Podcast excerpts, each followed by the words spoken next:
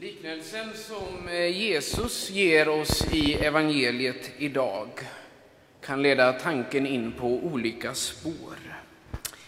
Det första är att vi ställer tullindrivaren och farisén mot varandra. Men problemet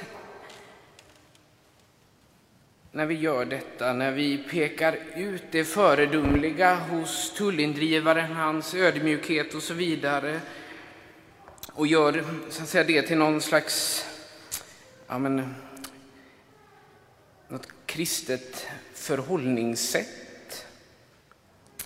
I motsats till farisén och hans högmod, hans självrättfärdighet är att vi gör liknelsen till en exempelberättelse för mänskliga beteenden och vi hamnar där själva.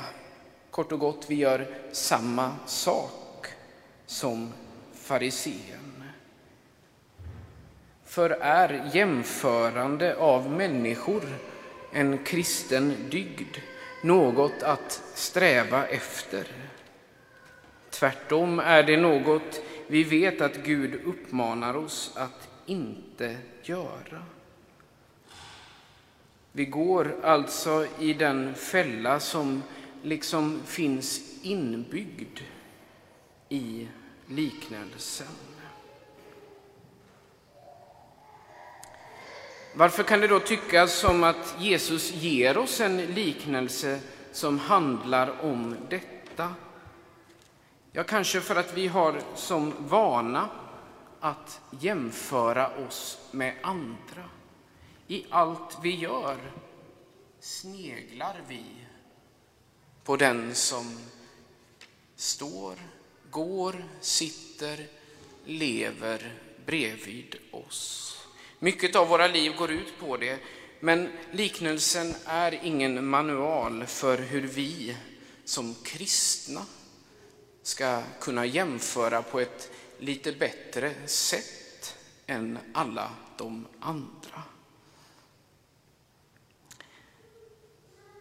Tolkningsnyckeln till den här liknelsen hittar vi istället om vi tittar på texterna runt omkring dagens evangelium. Där finns flera liknelser om dom och det eviga livet. Och själva upptakten till liknelsen idag knyter an just till det. Det står att Jesus riktar den till några som litade på att de själva var rättfärdiga och därför såg ner på andra. Liknelsen står i ett sammanhang av synd, dom och rättfärdighet och handlar också om det. Eller för att ta den första meningen ur dagens läsning från profeten Jesaja en gång till. Herren Sebaot har bestämt en dag med dom över allt som är övermodigt och stolt.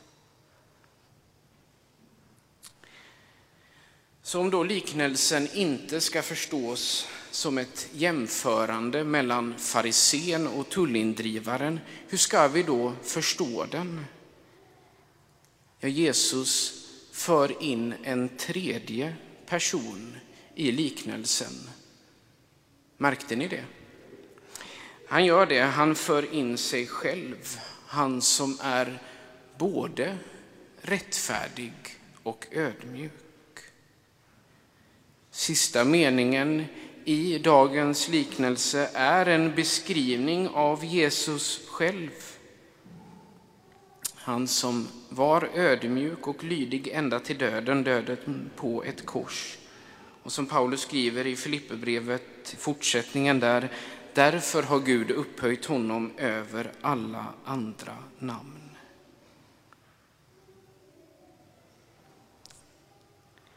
I liknelsen om farisén och tullindrivaren, som alltså är en liknelse om dig och mig, som så gärna vill vara som tullindrivaren, men som så ofta är som farisén.